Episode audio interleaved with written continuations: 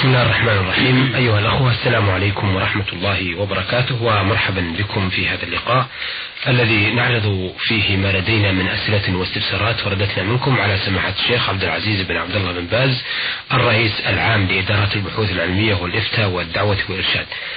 أه سماحة الشيخ هذه الرسالة وردتنا من المرسل جيم ميم عين من السلوم. أه يقول في رسالته أما بعد فإنني أود أن أعرض عليكم هذه القضية التي تهم قطاعا كبير من المسلمين. الباحثين عن الحقيقة والقضية هي أن كثيرا من الناس يشدون الرحال إلى الأضرحة وقبور الصالحين سائلين أهلها من الأموات شفاء مرضهم أو قضاء حوائجهم ويقدمون لأصحاب هذه الأضرحة النذور والذبائح ويدعونهم ويستغيثون بهم وما شابه ذلك من أعمال. وهذه آه القضية اختلفت فيها الآراء. فالذين يقومون بهذا العمل يقولون إن, إن لله في الأرض عباد يستجيب الله الدعاء من أجلهم. والذين يعارضون هذا العمل قالوا إن هذا شرع أو هذا شرك صريح. ومخرج لصاحبه من الملة. نرجو أن تلفتوا مزيدا أو تلقوا مزيدا من الضوء على جوانب وزوايا هذا الموضوع مع بيان هل يجوز الصلاة خلف مرتكبيه أو لا يجوز. وفقكم الله. بسم الله الرحمن الرحيم. الحمد لله والصلاة والسلام على رسول الله وعلى آله وأصحابه من اهتدى بهداه. أما بعد فإن هذا السؤال مهم جدا وعظيم جدا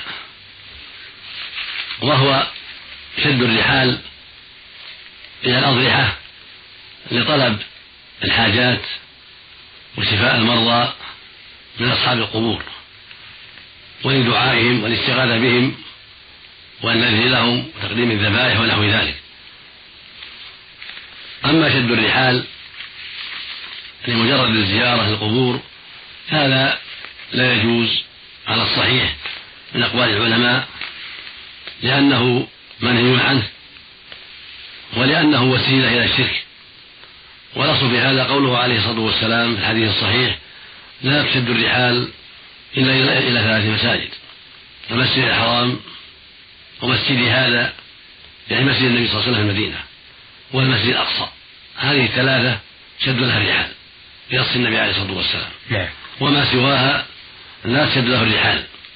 فيدخل في ذلك بقية المساجد ويدخل في ذلك أيضا الأضرحة من باب أولى فإن إذا كان لا تشد الرحال المساجد وهي أفضل البقاع.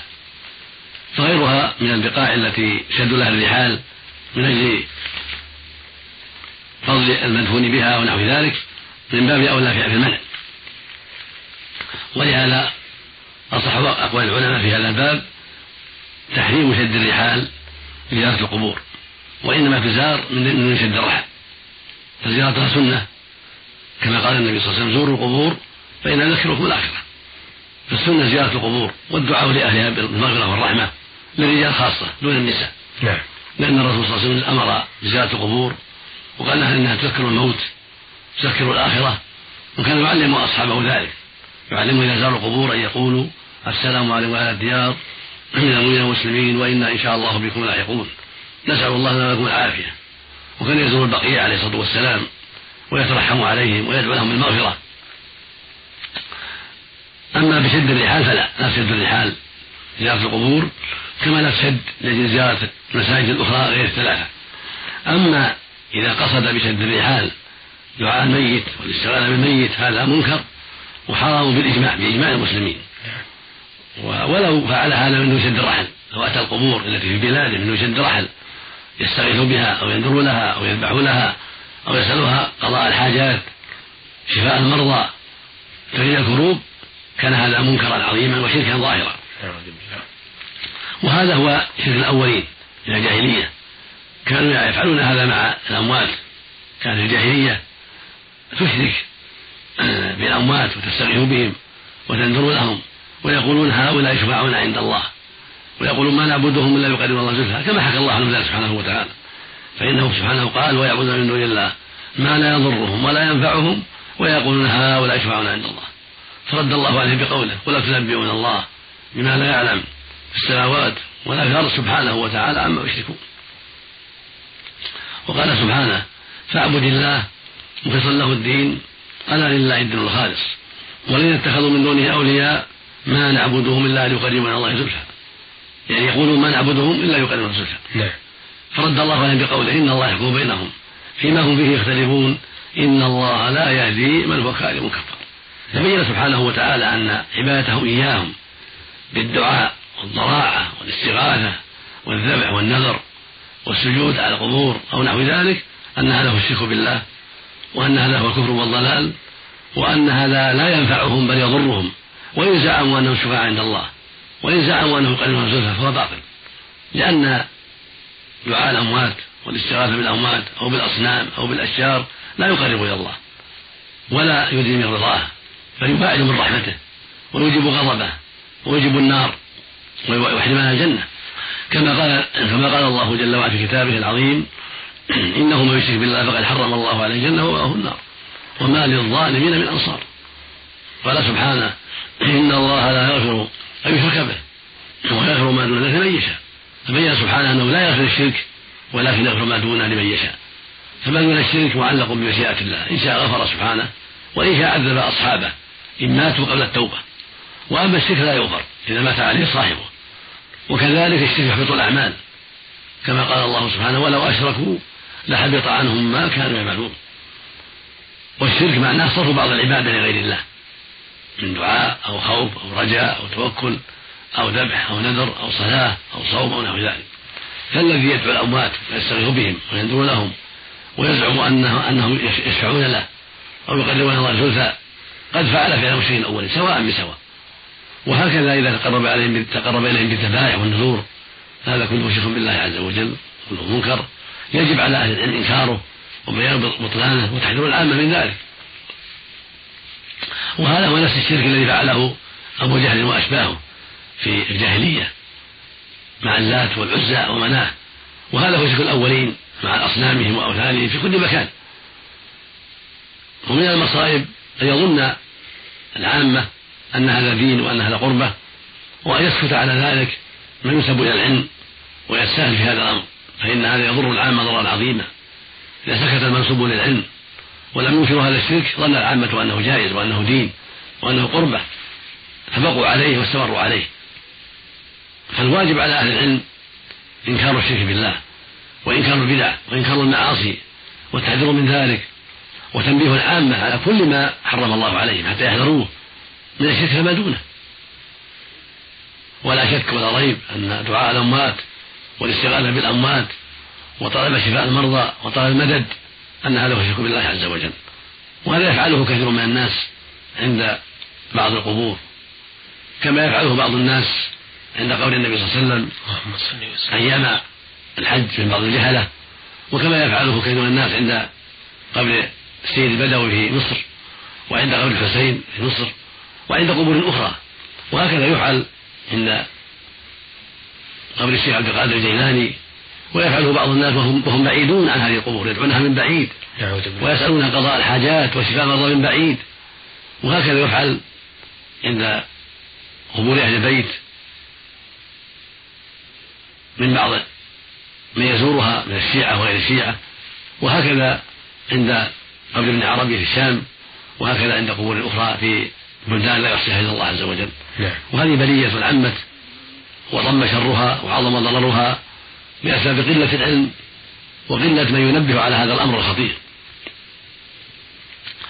وإني أهيب بجميع أهل العلم في كل مكان أن يتقوا الله وأن ينذروا الناس من هذا الشرك وأن يحذروهم منه وأن يبينوا لهم أن العبادة حق الله وحده. كما قال سبحانه إياك نعبد وإياك نستعين. قال عز وجل وقضى ربك ألا تعبدوا إلا إياه. قال سبحانه وتعالى واعبدوا الله ولا تشركوا به شيئا. قال عز وجل فاعبد الله ويصل له الدين ألا لله الدين الخالص. قال سبحانه وأن مساجد لله فلا تدعوا مع الله أحدا. في آيات كثيرات تدل على وجوب إخلاص العبادة لله وحده وأنه لا يجوز أبدا أن يدعى أحد من دونه من الأشجار أو الأحجار أو الأموات أو الأصنام أو الكواكب وغير ذلك. فالعبادة حق الله وحده. ليس لأحد حق لا الملائكة ولا الأنبياء ولا الصالحون ولا غيرهم. ما العبادة حق الله وحده؟ الرسل بعثوا ليعلموا الناس دينهم. ولينذروهم من الشرك بالله وليوجهوهم إلى عبادة الله وحده. كما قال سبحانه ولقد بعثنا في كل أمة رسولا أن اعبدوا الله واجتنبوا الطاغوت وقال عز وجل وما أرسلنا من قبلك من رسول إلا نوحي إليه أنه لا إله إلا أنا فاعبدون في آيات كثيرة أخرى. وقال النبي عليه الصلاة والسلام لمعاذ أتدري ما حق الله على العباد وما حق العباد على الله؟ قلت الله ورسوله أعلم قال حق الله على العباد أن يعبدوه ولا يشركوا به شيئا. وحق العباد على الله أن لا يعذب من لا يشرك به شيئا. فهما حقان. حق الله على عباده وحق العباد على الله. أما حق الله على عباده فهو حق مفترض حق عظيم يجب عليهم أن يؤدوه وقد خلقوا لأجله كما قال سبحانه وما خلقت الجن والإنس إلا يعبدون والله أرسل الرسل من أجله كما تقدم فوجب على العباد أن يعبدوا الله وحده. هذا حقه عليهم. حق فرضه عليهم فعليهم أداؤه وعليهم أن يؤدوا كل ما أمر الله به ورسوله وأن ينتهوا عما نهى الله عنه ورسوله. كل هذا من عباده سبحانه وتعالى. أداء الفرائض وترك المحارم ابتغاء وجه الله وإخلاصا له سبحانه كل ذلك من عباده ومن طاعته وتعظيمه. أما حق العبادة على الله فهو حق تفضل وإحسان وجود وكرم. من كرمه وجوده وإحسانه أن من لقاه بالتوحيد والإيمان والهدى فإن الله يدخله الجنة ولا يعذبه بالنار هذا فضله وإحسانه جل وعلا. كما يقول سبحانه إن الذين آمنوا وعملوا الصالحات لهم جنات النعيم. إن المتقين في جنات ونعيم. إن المتقين في جنات وعيون. فالواجب على أهل الإسلام أن يعبدوا الله وحده وأن يخصوه بالعبادة وأن يتفقهوا في دين الله. وأن يحذروا الشرك بالله عز وجل. فإن دعوة الإسلام مع وجود الشرك لا تنفع بل ينتقض إسلامه بشركه بالله. فالشرك ينقض الإسلام ويبطله. فوجب على من ينتسب الإسلام أن يحقق إسلامه ويتفقه في دين الله وأن يحفظ دينه من أنواع الشرك بالله عز وجل حتى يبقى له إسلامه وحتى يبقى له دينه. وهكذا يجب على كل أهل الأرض من المكلفين من جن وإنس وعرب وعجم يجب عليهم جميعا أن يعبدوا الله وحده وأن ينقادوا لما جاء به محمد عليه الصلاة والسلام وهو رسول الله حقا وهو خاتم الأنبياء لأن الله بعثه إلى أهل الأرض جميعا من الجن والإنس ومن العرب والعجم من سائر الأمم. يجب عليهم أن يعبدوا الله وأن ينقادوا لما جاء به رسوله محمد عليه الصلاة والسلام. كما قال الله سبحانه أمر النبي صلى الله عليه وسلم يبلغ الناس. قل يا أيها الناس إني رسول الله إليكم جميعا. قال سبحانه وما أرسلناك إلا كافة للناس بشيرا ونذيرا. قال عز وجل وما أرسلناك إلا رحمة للعالمين. هو رسول الله للجميع إلى الجن والإنس إلى الأعراب والعجم إلى اليهود والنصارى والفرس وجميع أهل الأرض من جن وإنس. نعم. عليهم جميعا يعبدوا الله ويوحدوه ويخصوه بالعبادة ولا يعبد معه لا ملكا مقربا ولا نبيا مرسلا ولا شجرا ولا ميتا ولا صنما ولا وثنا ولا غير ذلك. بل عليهم يخص الله بالعبادة دون كل ما سواه.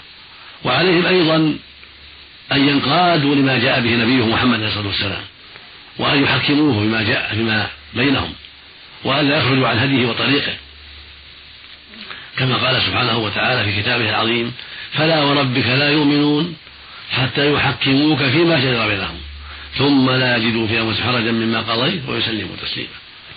قال سبحانه قل أطيعوا الله وأطيعوا الرسول فإن تولوا فإنما عليه ما حمل وعليكم ما حملتم وإن تطيعوه تهتدوا وما على الرسول إلا البلاغ المبين عليه الصلاة والسلام.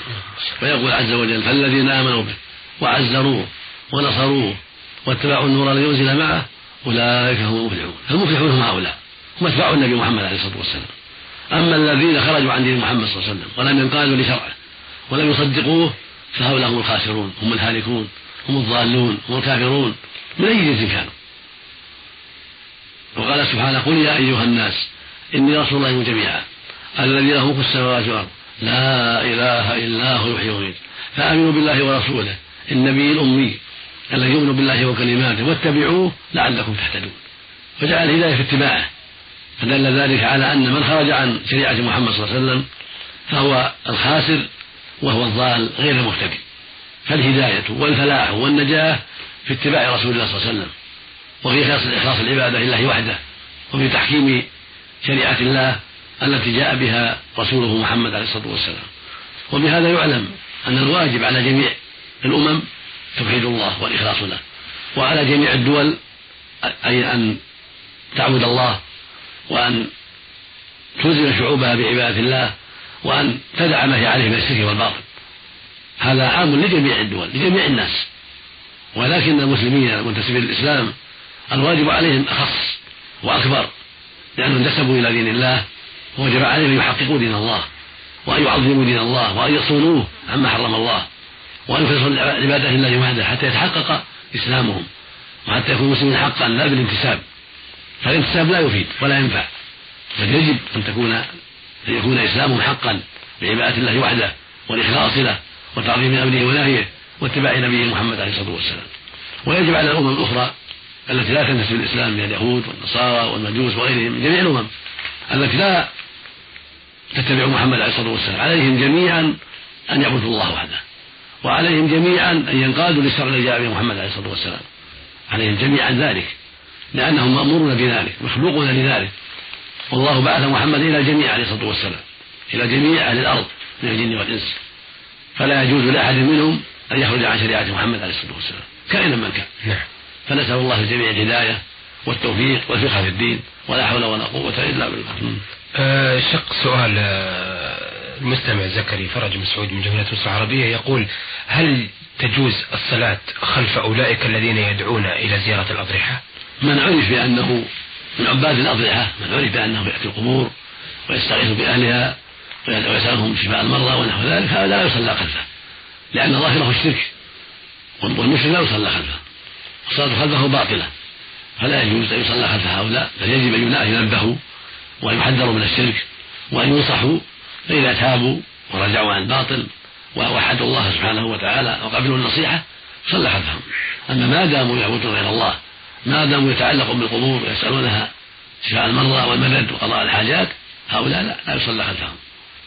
بل شركهم ظاهر وكفرهم ظاهر. وإن كان بعضهم قد